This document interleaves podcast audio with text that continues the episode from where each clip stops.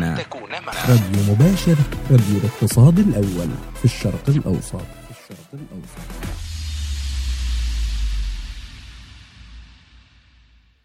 إن لزم الأمر أن تعلم فنحن معك. إن لزم الأمر أن تتعلم فنحن معك. إن لزم الأمر أن تبحث فنحن معك. راديو مباشر راديو الاقتصاد الأول في الشرق الأوسط. طب دلوقتي السهم نازل وبيخسر والشركة محققة أرباح. أفهم أنا إيه من الموضوع ده؟ أبيع ولا أشتري ولا أسأل مين؟ اسأل عمرو الألفي عن كل حاجة تخص الشركات والميزانيات والتحليل المالي. في برنامج مع الألفي على راديو مباشر راديو الاقتصاد الأول في الشرق الأوسط. تابعوه الاثنين من السابعة مساء وحتى الثامنة بتوقيت القاهرة.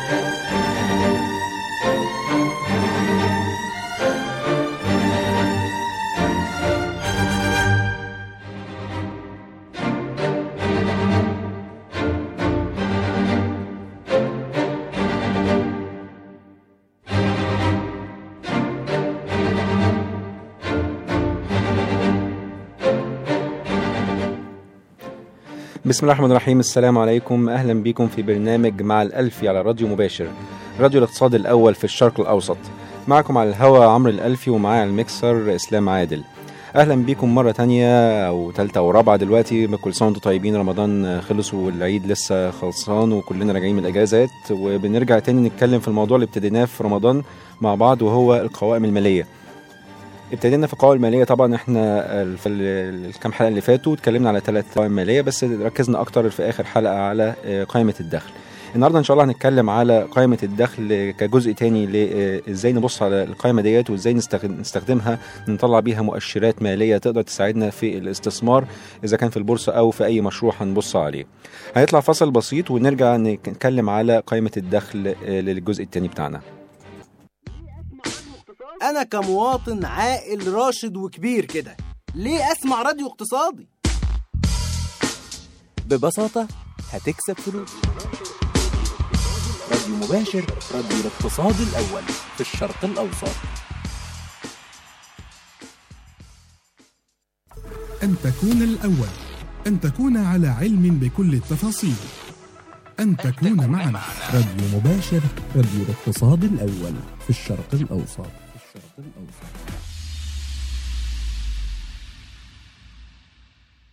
أن تكون الأول أن تكون على علم بكل التفاصيل. أن تكون معنا. راديو مباشر راديو الاقتصاد الأول في الشرق الأوسط. في الشرق الأوسط.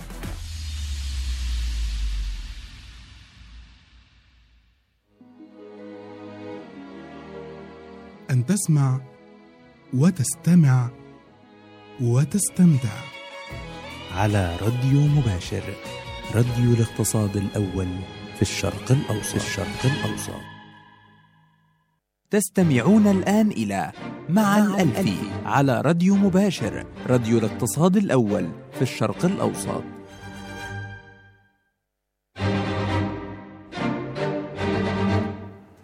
أهلا بيكم مرة تانية. إحنا بنتكلم النهارده على قائمة الدخل. اتكلمنا يمكن الحلقة اللي فاتت على بعض ال- النظم المحاسبية اللي بيتم آه، اتباعها في آه، إصدار ال- القوائم قوائم الدخل أو قائمة الدخل كأحد القوائم المالية. آه، واتكلمنا على ال- المعايير المحاسبية كانت المحاسبة كانت في النظام الأمريكي أو النظام الدولي وقلنا إزاي إن هو في دلوقتي تقارب ما بين الأنظمة الم- المحاسبية أو الانظمه اللي هي اللي بنحسب بيها القوائم المالية بتاعتنا. ودوت آه، تقارب دوت آه، في اتجاه إن هو يبقى المعايير الدولية هي اللي بيتم اتباعها. ولكن إحنا كمستثمرين بنحاول نبص على قائمة الدخل علشان نستشف منها بعض ال- ال- الترندات أو المؤشرات المالية. واتكلمنا برضو على نظام تحقق الإيراد وإزاي دوت ممكن آه، يعني يتم يعني نوعا ما التلاعب بيه أو تغييره أو حسب استخدام معي- معيار معين علشان نبين الميزانية أو أو قائمة الدخل بتاعتنا بطريقة أحسن آه، من مما هي عليه بالفعل. ولكن إحنا زي ما قلنا إحنا مستثمرين عادة بيحبوا يبصوا أول حاجة على قائمه الدخل. على أساس إن الدخل دوت هو اللي هيتوزع منه الأرباح اللي أنا كمحامل للسهم أو أنا مستثمر ومعايا السهم دوت أنا هبقى عايز الأرباح بتاعتي. فلازم أشوف الشركة اولا بتعمل ارباح عاملة إزاي أو الدخل بتاعها عامل إزاي.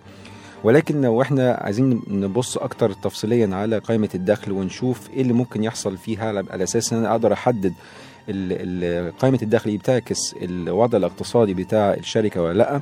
نبص على بعض المؤشرات. طبعا المؤشرات دي ممكن لا تنتهي ولكن إحنا بنركز على الحاجات الاساسيه بس اللي هي ممكن بداية كده لو بصينا عليها ولقينا في آه، آه، مشكلة آه، ممكن نستشف منها هل في مشكلة ولا لأ. أو على الأقل تدينا مؤشر إن إحنا نعمل تحليل أكتر أو آه، نسأل أكتر. آه، إحنا معاكم ان شاء الله النهارده على الهوا ويا ريت لو تشرفونا بالأسئلة بتاعتكم على صفحة البرنامج على الفيسبوك راديو مباشر بالعربي والإنجليزي أو التليفون بتاعنا 2 400 29 66 آه، بعض المؤشرات اللي ممكن قائمة الدخل تكون آه، فيها مشكلة. آه، أول حاجة طبعا إحنا عندنا في قائمة الدخل إيرادات وبنخصم منها المصروفات. فعشان أنا آه، أت- أتحكم في إزاي ال- الدخل بتاعي بيبان آه، أعليه أو أوطيه هعمل حاجة آه، من اتنين. لو عايز أعلي الدخل بتاعي يا إما هزود الإيراد بتاعي أو أقلل المصاريف بتاعتي. فأنا كده بقيت نظام اجريسيف إن أنا مندفع شوية في ال- قائمه الدخل بتاعتي. طب مندفع ليه؟ مش هو ده الوضع الحالي اللي بيحصل فعلا؟ آه ممكن يكون هو ده الوضع الفعلي ولكن ده وضع نظام محاسبي وليس ولا يعكس التدفق النقدي. وعشان كده هنتكلم بعد كده إن قائمه التدفقات النقدية دي يمكن دي قائمه مهمة جدا يمكن آه، أهميتها يمكن تفوق كمان قائمة الدخل. ولكن إحنا للأسف بنبص على قائمة الدخل ان هي زي ما قلت بتطلع منها الأرباح. فدلوقتي ممكن أنا آه، أضخم الإيرادات وأقلل ال- المصروفات وبالتالي أبين أرباح أعلى بكتير. طب لو أنا عايز أعمل العكس عايز أقلل الأرباح بتاعتي ممكن أقلل الإيرادات وأكبر ال- المصروفات. طب أنا بقللهم وأكبرهم إزاي؟ هو الحقيقة مش بقللهم ولا بكبرهم لأنه زي ما قلت التدفق النقدي واحد. لأن أنا بعت حاجة ب 10 جنيه النهار جنيه النهارده أنا هاخد ال 10 جنيه المفروض في المستقبل يا إما هاخدها النهارده كاش كلها يا إما هاخد مثلا نصها النهارده ونصها بعد كده في المستقبل. ففي الآخر هي ال 10 جنيه هتجيلي هتجيلي ولكن هو التوقيت بتاعها هو اللي بيختلف.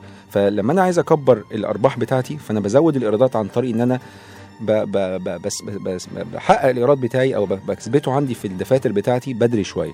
فممكن النظام المحاسبي يسمح لي إن أنا أثبت ال- ال- ال- الإيرادات بتاعتي بدري شوية. طب آه، لو أنا عايز الاكسبنسز أو المصروفات آه، أقللها بأخرها شوية بدل ما أنا أكتبها آه، في الفترة ديت أستخدم النظام المحاسبي بتاعي إن أنا آه، آه، أخليها في ال- في المستقبل. وبالتالي كده أنا بقلل المصروفات بتاعتي في الفترة ال- اللي هي اللي في الأول دلوقتي. ولكن في نهاية المحصلة النهائيه إن أنا كل في الآخر الإيرادات وال- والمصروفات لو نتكلم على فترة مثلا خمس سنين لازم هيساووا بعض بغض النظر استخدمت نظام محاسبي ألف أو نظام محاسبي ب. ولكن إحنا عشان إحنا بنتكلم على short term investment أو المستثمر قصير الأجل أو المعدل الزمني بتاعه قصير الأجل فبيبص على آه، ال- ال- اللي بيحصل من سنة للتانية أو actually دلوقتي بالواقع بي- بنبص على اللي بيحصل من ربع للتاني. فطبعا الربع دوت ممكن يبقى نتائجه حلوة فبالتالي تطلع السهم أو الربع نتائجه مش كويسة تنزل السهم. مين اللي بيعمل طبعا قائمة الدخل ديت؟ ومين بيحط هي النظم المحاسبيه طبعا هو ده عندنا اوديتور وعندنا مراقب حسابات ولكن الشركة برضو إدارة الشركة بتتدخل في تحديد النظم المحاسبيه على أساس إن يبقى ليها رؤية آه، وعادة ما بتختلفش كتير عن الشركات ال- المثيله ليها في نفس القطاع لأن هو بيبقى نظام آه، آه، واحد أو معظم الشركات لو شغالة بنظام محاسبي معين أنا مش كإدارة الشركة لو أنا غيرت النظام المحاسبي بتاعي ومشيت بطريقة مختلفة تماما عن بقية ال- القطاع يبقى في دي علامة استفهام كبيرة ممكن المستثمرين يبقى مستغربين ويبقى في آه، آه، تفسير أكتر المفروض من إدارة ال- الشركة. وقلنا برضو لما اتكلمنا على قوائم الدخل والايضاحات المتممة للق- للقوائم عامة المالية إن دي بتكمل ال- ال- القوائم الدخل إن الاداره إدارة الشركة ساعات بتدي آه، انطباع أو تدي معلومات للمستثمر تحس بحيث إن هي تدي له آه، نظرة مستقبلية إيه اللي ممكن يحصل آه، للشركة. فقائمة الدخل ديت إحنا بنتكلم على تاريخيا اللي حصل الايرادات حصل فيها إيه الاكسبنسز حصل إيه وبالتالي الربحية عاملة إزاي.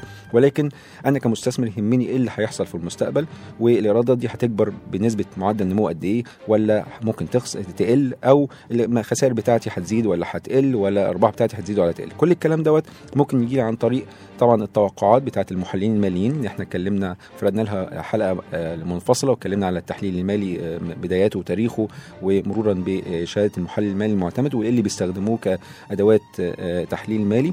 ولكن هو في الآخر ده بيطلع تقرير في الآخر بيفيد المستثمر إن هو ياخد قرار آه، بناء على التوقعات المستقبلية. ليه التوقعات المستقبلية؟ لأن أنا أنا كمستثمر اللي حصل حصل خلاص والارباح اتوزعت تاريخيا ولكن اللي يهمني ال- اللي في المستقبل. ف كتحليل مالي بالنسبة لقائمة الدخل مهم جدا أشوف آه الوضع اللي حصل تاريخيا ولكن يمكن الأهم بالنسبة لي إن أنا أشوف في المستقبل ممكن يحصل إيه.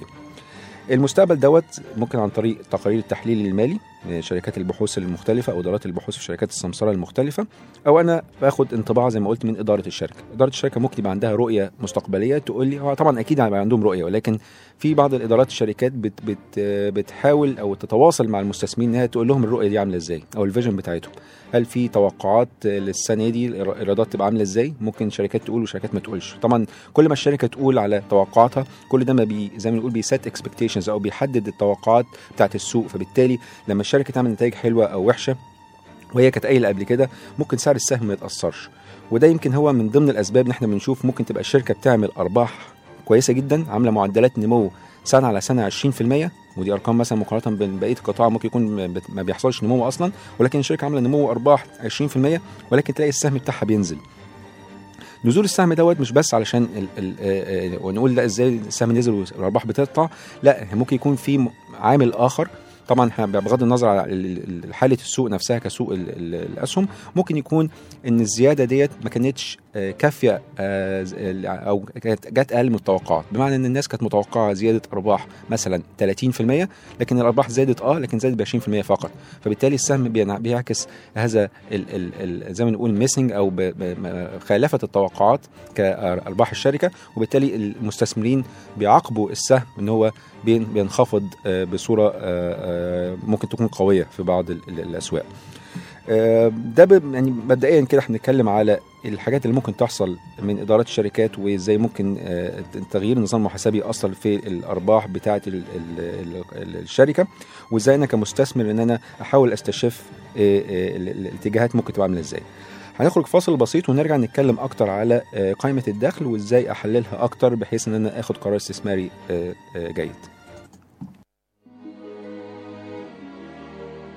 أن تسمع وتستمع وتستمتع.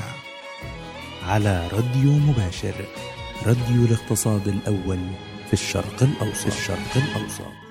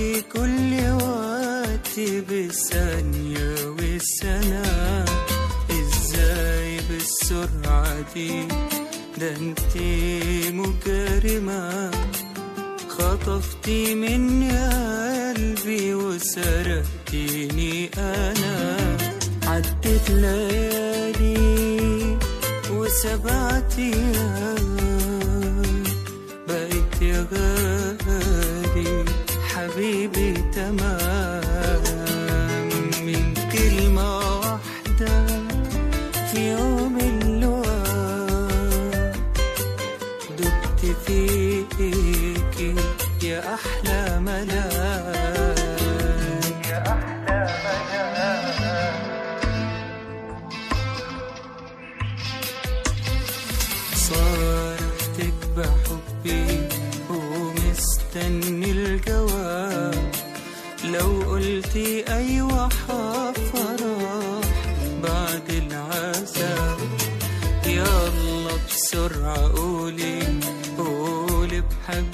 أنا هتلاقي قلبي طاير طاير في السماء. عدت ليالي وسبعة أيام. بقيت يا غالي حبيبي تمام.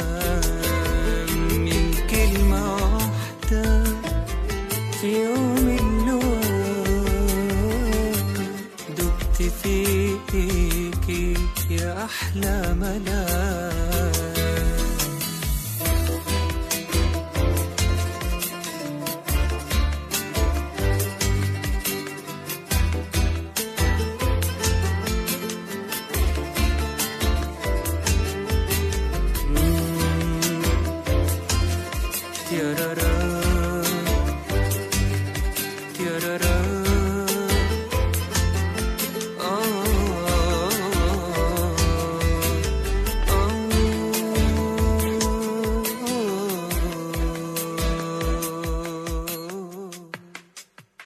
عليك أن تكون محترفا فكن معنا. راديو مباشر راديو الاقتصاد الأول في الشرق الأوسط. في الشرق الأوسط تستمعون الآن إلى مع الألفي على راديو مباشر راديو الاقتصاد الأول في الشرق الأوسط.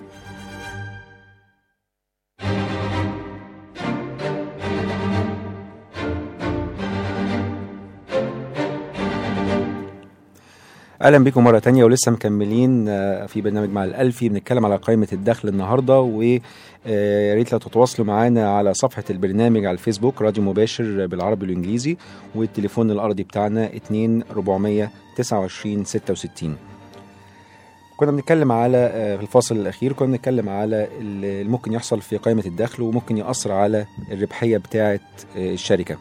بيأثر على الربحيه هو مش بيأثر على الربحيه نفسها كربحيه وهي بتكسب ولا بتخسر ولكن هو عرض ال- الربحية ديت. هل الربحية دي تبقى عالية أو تبقى منخفضة؟ وزي ما قلنا اللي يهمني في الآخر أنا كمستثمر التدفق النقدي. لأن حتى لو الشركة عاملة أرباح أنا مش هستفيد حاجة لو الشركة ما عندهاش نقدية تقدر توزع الأرباح دي لي- ليا كمستثمر أو كمساهم. فيهمني إن أنا أعرف إن الربحية دي هل بتعكس فعلا أداء تشغيلي جيد ولا ربحية وهمية؟ طب إزاي ربحية وهمية؟ زي ما قلت من شوية إن إحنا ممكن نضخم الإيرادات ونقلل التكاليف فبالتالي يبقى عندك ربحية عالية ولكن قصادها مفيش نقدية. طب إزاي مفيش نقدية؟ أحد المؤشرات اللي إحنا ممكن نستخدمها علشان نقدر نقيس الشركة دي بتعمل ربحية جيدة ولا لأ نبص على أول حاجة الربح التشغيلي طبعا لأن قائمه الدخل ديت هي بتشمل حاجات كتير جدا هي مش بس revenues أو إيرادات أو expenses اللي هي المصروفات وخلاص لأ. في طبعا إيرادات جاية من التشغيل وفي مصروفات برضو من اللي هي ليها علاقة بالتشغيل. ولكن في إيرادات أخرى إيرادات أخرى دي ممكن تبقى فوائد آه، بنوك ممكن تبقى استثمار من آه، شركات أخرى ممكن نتيجة بيع آه، أرض نتيجة بيع مصنع حاجات غير متكررة يعني بمعنى آخر. نفس القصة في الإكسبنسز أو مصروفات في برضو مصروفات أخرى. ممكن تبقى مصروفات آه، يحصل لي آه، خسائر مثلا آه، لسبب ما تكلفني مبلغ في الفترة ديت فبالتالي يبقى ال- المصروفات دي جات لي فجأة الفترة ديت ولكن مش هتبقى متكررة. فيهمني جدا إن أعرف الوضع التشغيلي عامل إزاي والغير التشغيلي كمان. فلان هو كل ده في الآخر بي- بي- بيصفي في الآخر زي ما بنقول صافي الدخل. هو ده بعد ما بنعمل كل حاجة بنعمل نسبة الإيرادات نسبة ال- ال- ال- المصروفات بنشيل الفوائد اللي هي اللي ندفعها للبنوك لو واخدين قروض بندفع الضرائب بتاعتنا وفي الآخر آخر حاجة خالص بتفضلي هي صافي الربح. ولكن أنا عايز أقيس الاداء التشغيلي بتاع الشركة. ليه يهمني الاداء التشغيلي مقارنة ببس صافي الربح؟ لأن صافي الربح زي ما قلت ممكن يكون جاي من حاجة غير متكررة. لكن الغير متكررة ديت لو ما حصلتش السنة اللي جاية يعني لو هو الشركة باعت السنة دي أرض وعملت ربح كويس جدا والسنة الجاية ما باعتش الأرض دي هيبان الصورة الحقيقية بتاعة أداء الشركة. فبالتالي ما يهمنيش قوي إن صافي الربح زاد أو قل يهمني هو زاد أو قل بسبب إيه؟ السبب إيه؟ فبالتالي أبص على الربح التشغيلي. إيه الربح التشغيلي ده هو عبارة عن إيه بالظبط؟ أبص على إيرادات التشغيل واخصم منها المصروفات بتاعتها اللي هي علاقه ليها علاقة بالتشغيل. فبالتالي يجي لي هو الربح التشغيلي اللي هو بنسميه بال English هو ال EBIT أو ال earnings before interest and taxes. هو دوت ال- الربح التشغيلي اللي يهمني بداية قبل ما أخش على صافي الربح. طبعا صافي الربح هيهمني بعد كده لأنه في الآخر هيخش لي على ال balance sheet أو آه، الموازنة بتاعت آه، sorry عفوا الميزانية بتاعت الشركة. ولكن أنا يهمني التدفق النقدي لأن هو هيستمر معايا في المستقبل. طب أعرف منين برضو إن الشركة عاملة ربحية جيدة ولا لأ؟ اولا في ممكن اول قلنا معدلات النمو اتكلمنا في حلقات سابقة واتكلمنا على إن أنا أقارن الشركة بشركات أخرى في نفس القطاع أو أبص على نفس الشركة خلال السنوات الماضية فأشوف trend analysis أو أعمل common size statement وأشوف الشركة مقارنة بنفسها في خلال في نفس الفترة هي بتعمل تكسب كام في المية من الإيرادات اللي هي بت بتبيعها أو بتولدها. فبالتالي أنا عايز أشوف الأداء المالي بتاع الشركة التشغيلي. فأبص على ال EBIT دوت أو الربح التشغيلي آه، آه، الربحية بتاعه الشركة أو صافي الربح. طيب الإيبت دوت هو يمكن ما بيبينليش آه، بس آه، ال- الربح الربح التشغيلي ال- ال- الفعلي بتاع الشركة. ليه؟ لأن الإيبت ده عبارة عن إيرادات تشغيلية مخصوم منها المصروفات التشغيلية. ولكن الإيرادات التشغيلية ديت مش كلها تدفق نقدي بمعنى إن أنا ممكن أبيع حاجة النهارده زي ما قلت ممكن ثمنها 10 جنيه ولكن لميت منها خدت من العميل اللي أنا بعت له الحاجة ال 10 جنيه دي خدت منه 5 جنيه بس ففاضل 5 جنيه اللي لسه ما خدتهاش. فلازم أعمل تعديل للربح التشغيلي دوت.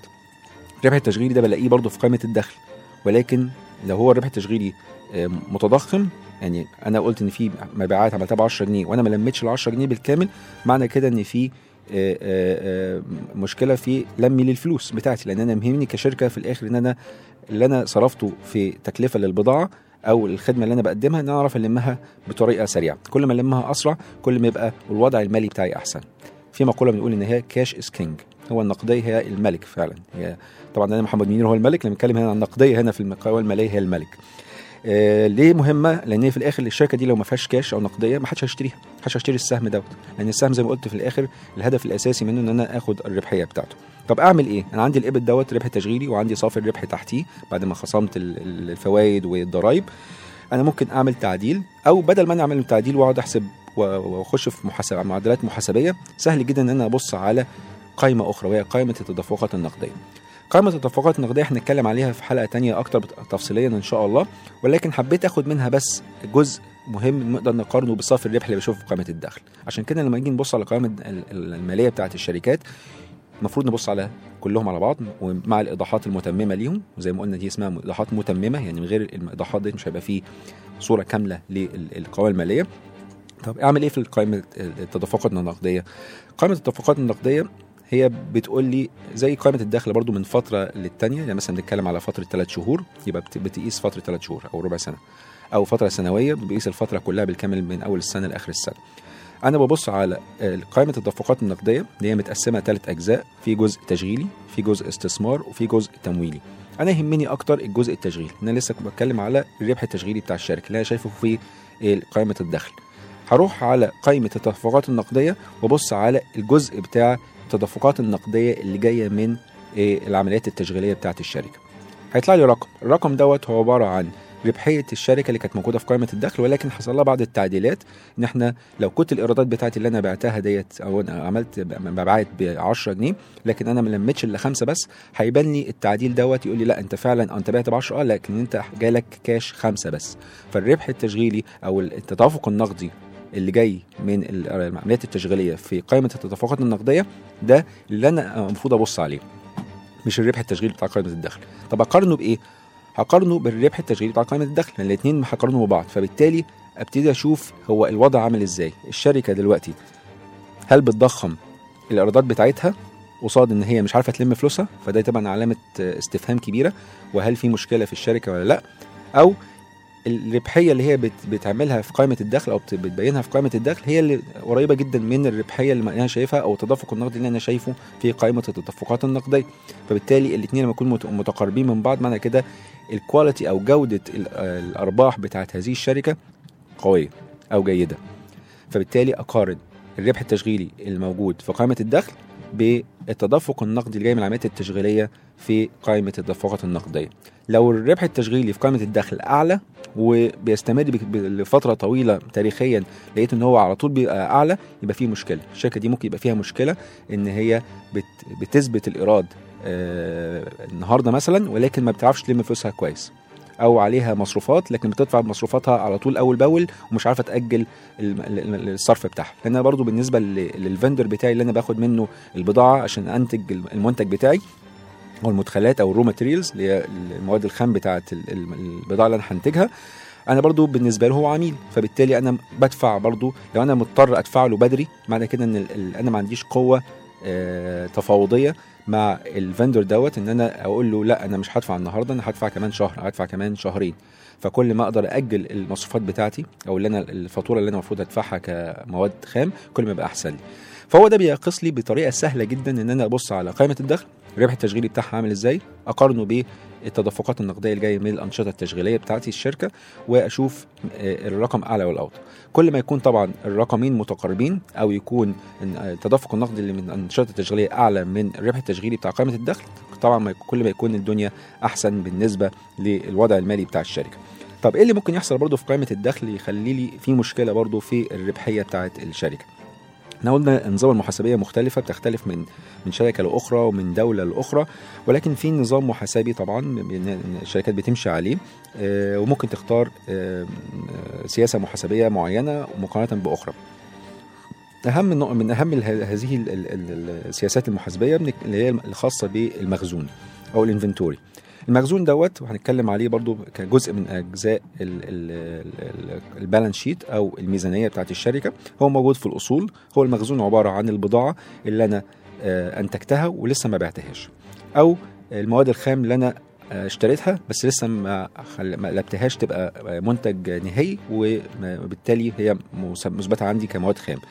فطبعا آه، مع تاريخيا بنتكلم على الأسعار عامة في العالم كله يعني تاريخيا هو في بيبقى في تضخم مع الوقت. آه، بس بقى طبعا في قطاعات أخرى آه، بتلاقي ممكن الأسعار مع الوقت بتقل. على سبيل المثال مثلا قطاع الاتصالات هتلاقي مع الوقت الأسعار ممكن تنخفض مع الوقت. والمنافسة وقطاع التكنولوجيا برضو. النهارده مثلا ال- ال- الجهاز ال- التليفون المحمول بيبقى مثلا ب 1000 جنيه كمان سنة ممكن يبقى نفس الجهاز يبقى ب 700 جنيه فتلاقي الأسعار بتقل آه، وبالتالي المواد الخام بتقل. فأنت حسب نوع القطاع اللي إحنا بنتكلم عليه. عادة يعني في المجمل في المجمل إن أنت عندك ال- المخزون آه، تكلفته مع الوقت المفروض هتزيد بمعنى إن أنا لو اشتريت بضاعة النهارده ب 100 جنيه لو اشتريتها كمان نفس البضاعة اشتريتها كمان سنة ممكن أدفع أكتر من جنيه ده اللي بنسميه التضخم. فالتضخم موجود بصفة عامة. لكن الإكسبشن طبعا أو ال ال ال الحاجة اللي هي ممكن تبقى مختلفة إن هو بعض القطاعات ممكن تلاقي الأسعار بتقل. طب ده إزاي يأثر عندي في المخزون وفي الآخر ده هيأثر عندي إزاي في قائمه الدخل؟ هنطلع فاصل بسيط ونرجع نتكلم على طريقة حساب المخزون وإزاي دي ممكن تأثر ربحيه الشركة في قائمه الدخل. نرجع فاصل نخرج فاصل ونرجع لكم تاني مع برنامج مع الالفي تجري في طريق تعرف آخره. أن تضمن أنك ستصل للهدف. أن تطمئن لأنك دائما معنا ونحن أيضا معك. راديو مباشر راديو الاقتصاد الأول في الشرق الأوسط.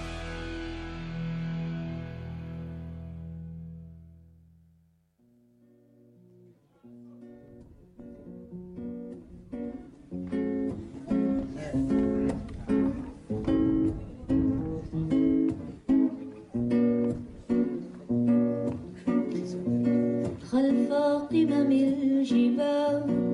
ألفت وأهل النظر لمسة رب الخيال. درب الوحشي الحر في ثنايا الجبال. ألفت وأهل المسير ننشد حر الجمال صافيا من التفكير.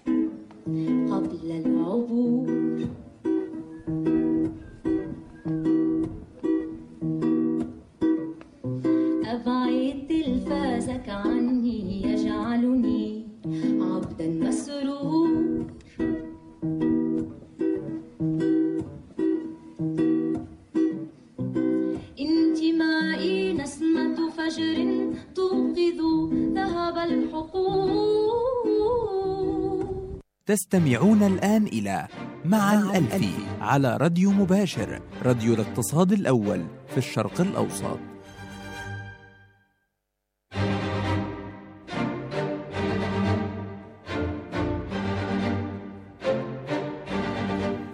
أهلا بيكم مرة تانية. بنتكلم النهارده على قائمة الدخل ومن ضمن الحاجات اللي ممكن تأثر في ربحية الشركة هو استخدام سياسة محاسبية للمخزون.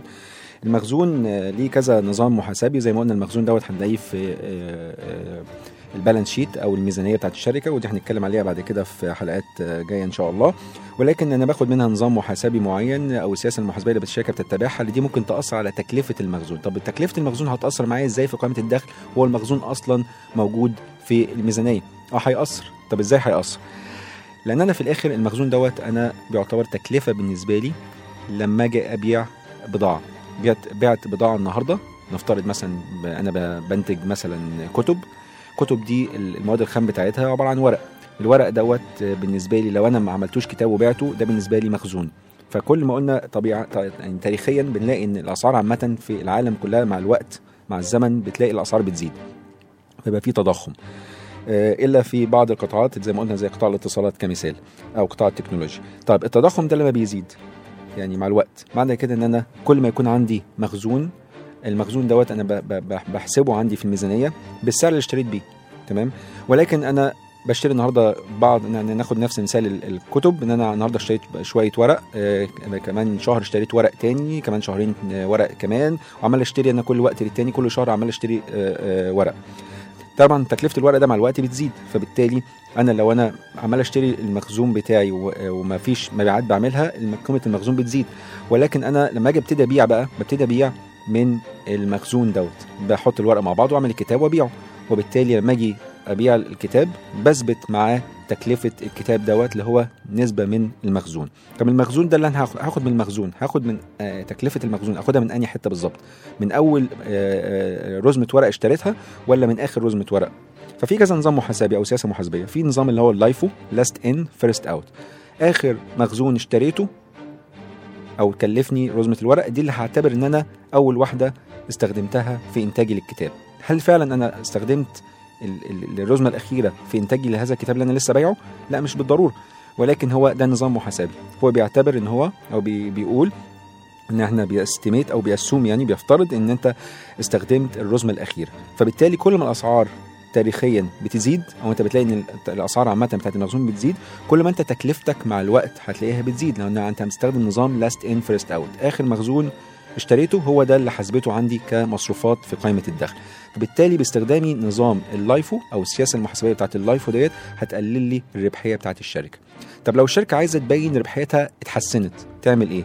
ما تستخدمش ال LIFO تستخدم ال FIFO اللي هو first in first out أنا بقول لا إن الرزمة الأولانية اللي أنا اشتريتها هي دي اللي أنا هثبتها عندي كمصروفات للمبيعات اللي أنا بعتها اللي بتاعت الكتب دي فبالتالي بدل ما كانت تكلفتي 100 جنيه. لو باستخدام ال- ال LIFO لا أنا تكلفتي بقت 80 جنيه باستخدام ال FIFO. الله. طب أنا كده بتلاعب في ال- التكلفة بتاعتي؟ لا ما بتلاعبش. أنا بس بثبتها بطريقة مختلفة. ولكن في المحصلة النهائية لو أنا كنت اشتريت آه، ال- ال- البضاعة مرة ب 100 ومره ب 80 المحصلة النهائية أنا دفعت في الآخر هدفع ال 180 على بعضها. دفعتها في الأول دفعتها في الآخر التدفق النقدي هو ده اللي هيعمل لي الحاجة الفاصلة في الآخر الفاصل هيبقى الفاصل بيني وبين النظام دوت هو التدفق النقدي. عشان كده قلنا إن هو يفضل إن أنا أقارن الربح التشغيلي بالتدفق النقدي اللي جاي من الأنشطة التشغيلية. فده ممكن نقطة ممكن يتم تغيير السياسة المحاسبية بتاعت الشركة من LIFO ل FIFO أو في شركات بتستخدم عشان ما- تلخبطش نفسها بين LIFO و FIFO بتستخدم النظام اللي هو المتوسط المتوسط المرجح. فبالتالي دوت يبقى أحسن ويدي يعني انعكاس أدق للي بيحصل. آه، طبعا كل الكلام دوت علشان نوصل لربحية الشركة. طب أنا عايز أوصل لربحية الشركة ليه؟ قلنا عشان نوزع منها أرباح. طيب قبل ما أوزع منها أرباح طب افرض الشركة ما توزعش أرباح؟ الشركة عايزة تعيد استثمار الأرباح ديت لأن هي شايفة إن في معدلات نمو الفترة الجاية وبالتالي عايزة تعيد استثمارها في الشركة وتشتري مثلا منتجات أكتر أو مواد آه، خام عشان تبيع وهكذا وتنمو وتعمل مصنع تاني وتالت وهكذا. طيب عايزة تخلي الربحية دي موجودة في الشركة. طيب أنا هستفيد إيه بقى لما ألاقي الربحية دي موجودة؟ طبعا إعادة الاستثمار دي مهمة جدا. يمكن أنا كمستثمر في أي شركة أو في السهم هيبقى يهمني ك- ك- حاجات كتيرة طبعا بس من ضمن الحاجات المهمة اللي أنا هبص عليها معدل النمو بتاع الإيرادات ومعدل نمو الربحية ومعدل العائد على الاستثمار. أنا لو الشركة دي خلت الأرباح دي عندها هل هتعمل عائد عالي ولا هتعمل عائد منخفض؟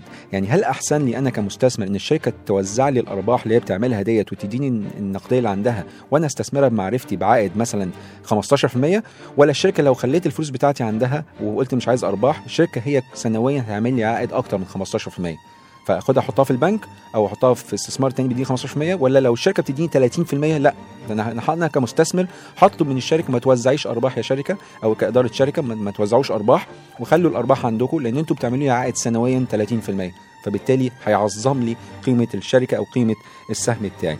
فدي مهم جدا إن أنا أبص على معدلات النمو وأبص على إيه المعدل على العائد على الاستثمار. طيب أنا كمستثمر أبص على عايز أقيم السهم دوت. كان السهم ده غالي ولا رخيص؟ اتكلمنا قبل كده برضو على مضاعف الربحية. ومضاعف الربحية ده وبقارنه بمعدل النمو المتوقع بتاع الربحية. فبالتالي أنا لو عندي سهم ب 10 جنيه أو عندي شركتين شركتين نفس السهم بتاعهم ب 10 جنيه واحد ب 10 جنيه والتاني ب 10 جنيه. ولكن في سهم منهم بيعمل ربحية جنيه والسهم التاني برضه بيعمل جنيه. فبالتالي هبص على مضاعف الربحية الاثنين هما واحد مفيش تغيير. هما الاثنين مضاعف الربحية بتاعهم 10 على واحد يعني 10 مرة 10 مرات. لكن الشركة الأولانية يعني نفترض إن هي شركة ألف بتعمل في توقعات إن الأرباح تزيد من واحد لاثنين جنيه السنة الجاية. فبالتالي لو هتكلم على مضاعف الربحية في المستقبل لا ده هو اكشلي هو النهارده بنتكلم على 10 مرات. في المستقبل الجنيه دي هتبقى 2 جنيه يبقى ال 10 على 2 تبقى خمس مرات. يبقى بنتكلم معدل أو مضاعف الربحية هو مش 10 هو 2 هو 5 10 على 2 طب الشركة اللي هي ب تعمل معدل نمو نفترض إن هي بتعمل معدل نمو فقط 10% الجنيه ديت هتبقى جنيه 10 سعر كمان سنة. فبالتالي كمان سنة يبقى المضاعف الربحية اللي بحسبه دلوقتي سعر السهم 10 جنيه هقسمه على جنيه 10 سعر يبقى المضاعف الربحية حوالي 9 مرات. يبقى مين اللي أحسن لي؟ أشتري الشركة اللي هي آه، بتعمل معدلات نمو عالية والمنخفضه لا اللي بتعمل معدلات نمو عالية لأن هي مضاعف الربحية بتاعها هيبقى أرخص. فبالتالي أشتري السهم اللي هو ألف. طيب معدلات النمو ديت هتيجي من زي ما قلت إنك الشركة لو بتعمل عائد على أو هو بنسميه بقى عائد على حقوق المساهمين عالي فبالتالي تقدر تزود لي قيمة الشركة. يمكن هو معدل النمو المعادلة بتاعته اللي هي المحاسبيه اللي إحنا بنحسبها في التحليل المالي هو عبارة عن العائد على حقوق المستثمرين مضروب في النسبة اللي أنا هخليها عندي أحتفظ بيها في الشركة أو ال retention rate اللي هو اللي أنا نفترض إن أنا هوزع 30% من أرباحي لا يبقى أنا اللي هيفضل معايا 70% 70% ديت لو هعمل 10% حقق عائد على حقوق المساهمين. يبقى أنا بتكلم على معدل نمو 7% كل ما العائد على حقوق المساهمين يزيد ال 10 دي كل ما تزيد كل معدل النمو بتاعي ما يزيد. أو كل ما أخلي فلوس أكتر في الشركة فبالتالي أريتين أكتر أو أحتفظ أكتر بالأرباح كل ما معدل النمو بتاعي بيزيد. فيبقى كده دي العلاقة ما بين معدلات النمو والعائد على حقوق المساهمين. كل الكلام دوت مهم وكويس جدا. بس إحنا بنتكلم على ربحية الشركة برضه. ربحية الشركة في الآخر هو في صافي الربح آه ولكن صافي الربح دوت لازم أقارنه بحاجة تانية. أقارنه بعدد الأسهم الموجودة في البورصة أو في السوق. لأن أنا مش لوحدي مساهم في الشركة. أنا في مساهمين كتير. أنا ممكن يكون عندي سهم أو سهمين في الشركة وفي ناس تانية عندها أسهم أخرى وهكذا. ولكن يهمني إن الربحية اللي هي ال 100 مليون نفترض إن في الربحية بتاعت الشركة 100 مليون جنيه. ال 100 مليون جنيه ديت هتتوزع على كام مساهم أو على كام سهم؟ بالأخص على كام سهم؟ هل في ألف سهم ولا في مليون سهم ولا في مليار سهم. فعدد الأسهم بيفرق معايا في الربحية بتاعت الشركة. عشان كده إحنا مش مش مفترض إن إحنا نبص على صافي الربح فقط ولكن نبص على ربحية السهم الواحد. فبالتالي نبص على اللي هو بنسميه ال EPS اللي هو الجنيه اللي أنا كنت بتكلم عليه شوية في المثال اللي هو مضاعف الربحية بقسمه هو سعر السهم على ربحية السهم. طب ربحية السهم دي عبارة عن إيه؟ دي معادلة بسيطة جدا باخد صافي الربح بتاع قائمة الدخل وأقسمه على عدد الأسهم الموجود في السوق. ولكن هو عدد الأسهم مش آخر عدد أسهم فقط ولكن بما إني بقيس في قائمة الدخل فترة معينة ممكن تبقى فترة 3 شهور ممكن تبقى فترة 6 شهور 9 شهور أو سنة باخد متوسط المرجح بتاع عدد الأسهم الموجود للشركة أو المصدرة للشركة وبالتالي أقدر أحسب ربحية آه، السهم الواحد. طبعا في نوعين من ال EPS أو ربحيه السهم في ربحية آه، اللي هي الأساسية وفي ربحية مخففة. الأساسية اللي هو ببساطة جدا زي ما قلت هو صافي الربح مقسوم على عدد الأسهم المتاح الموجود في السوق. طيب إيه المخففة ديت؟ هي بما إنها اسمها مخفف هي الرقم دوت اللي هيطلع لي يا إما هيكون زيه زي الأساسي الربحية الأساسية أو هيكون أقل شوية. أو أخف شوية. طب هيخف إزاي؟ هيخف إن إحنا بنيجي نحسب عدد الأسهم إحنا حاليا بن- بنستخدم عدد الأسهم موجود في السوق حاليا عشان نحسب ربحية السهم الأساسية. ولكن نفترض إن في ديون على الشركة سندات كمثال وهنتكلم عليها أكتر في الميزانية. السندات ديت ممكن يكون يتم, يتم تحويلها لأسهم. وممكن يبقى في آه، حاملي السندات ديت آه، في مصلحتهم حاليا إن هم يحولوها لأسهم ويكسبوا لأن سعر السهم بيزيد الفترة اللي فاتت. فبالتالي في احتمال آه ممكن يكون عندي ألف سهم فقط مصدرين في السوق ولكن في احتمال الألف دولت ممكن يبقى 1100 أو 1200 فبالتالي لما آخد نفس الربحية بتاعتي أو ربحية آه، آه، أعلى شوية لأن أنا لو قلبت السندات ديت لأسهم فبالتالي أنا مش هدفع مصروفات تمويلية وبالتالي الربحيه هتزيد. فلو حسبت إن بعد ما عملت التعديل دوت لقيت صافي الربح بدل ما كنت هكسب let's say 100 مليون دلوقتي أنا هكسب 110 بدل ما كنت هقسمهم على 1000 أنا هقسمهم على 1100 أو 1200 أو 1300 أسهم- سهم أكتر. فبالتالي ربحيتي اللي هو ال EPS أو ربحية السهم الواحد ممكن تقل عن الربح الأساسي. فأنا كمساهم يهمني الاثنين يهمني أشوف الربح الأساسي والربح المخفف.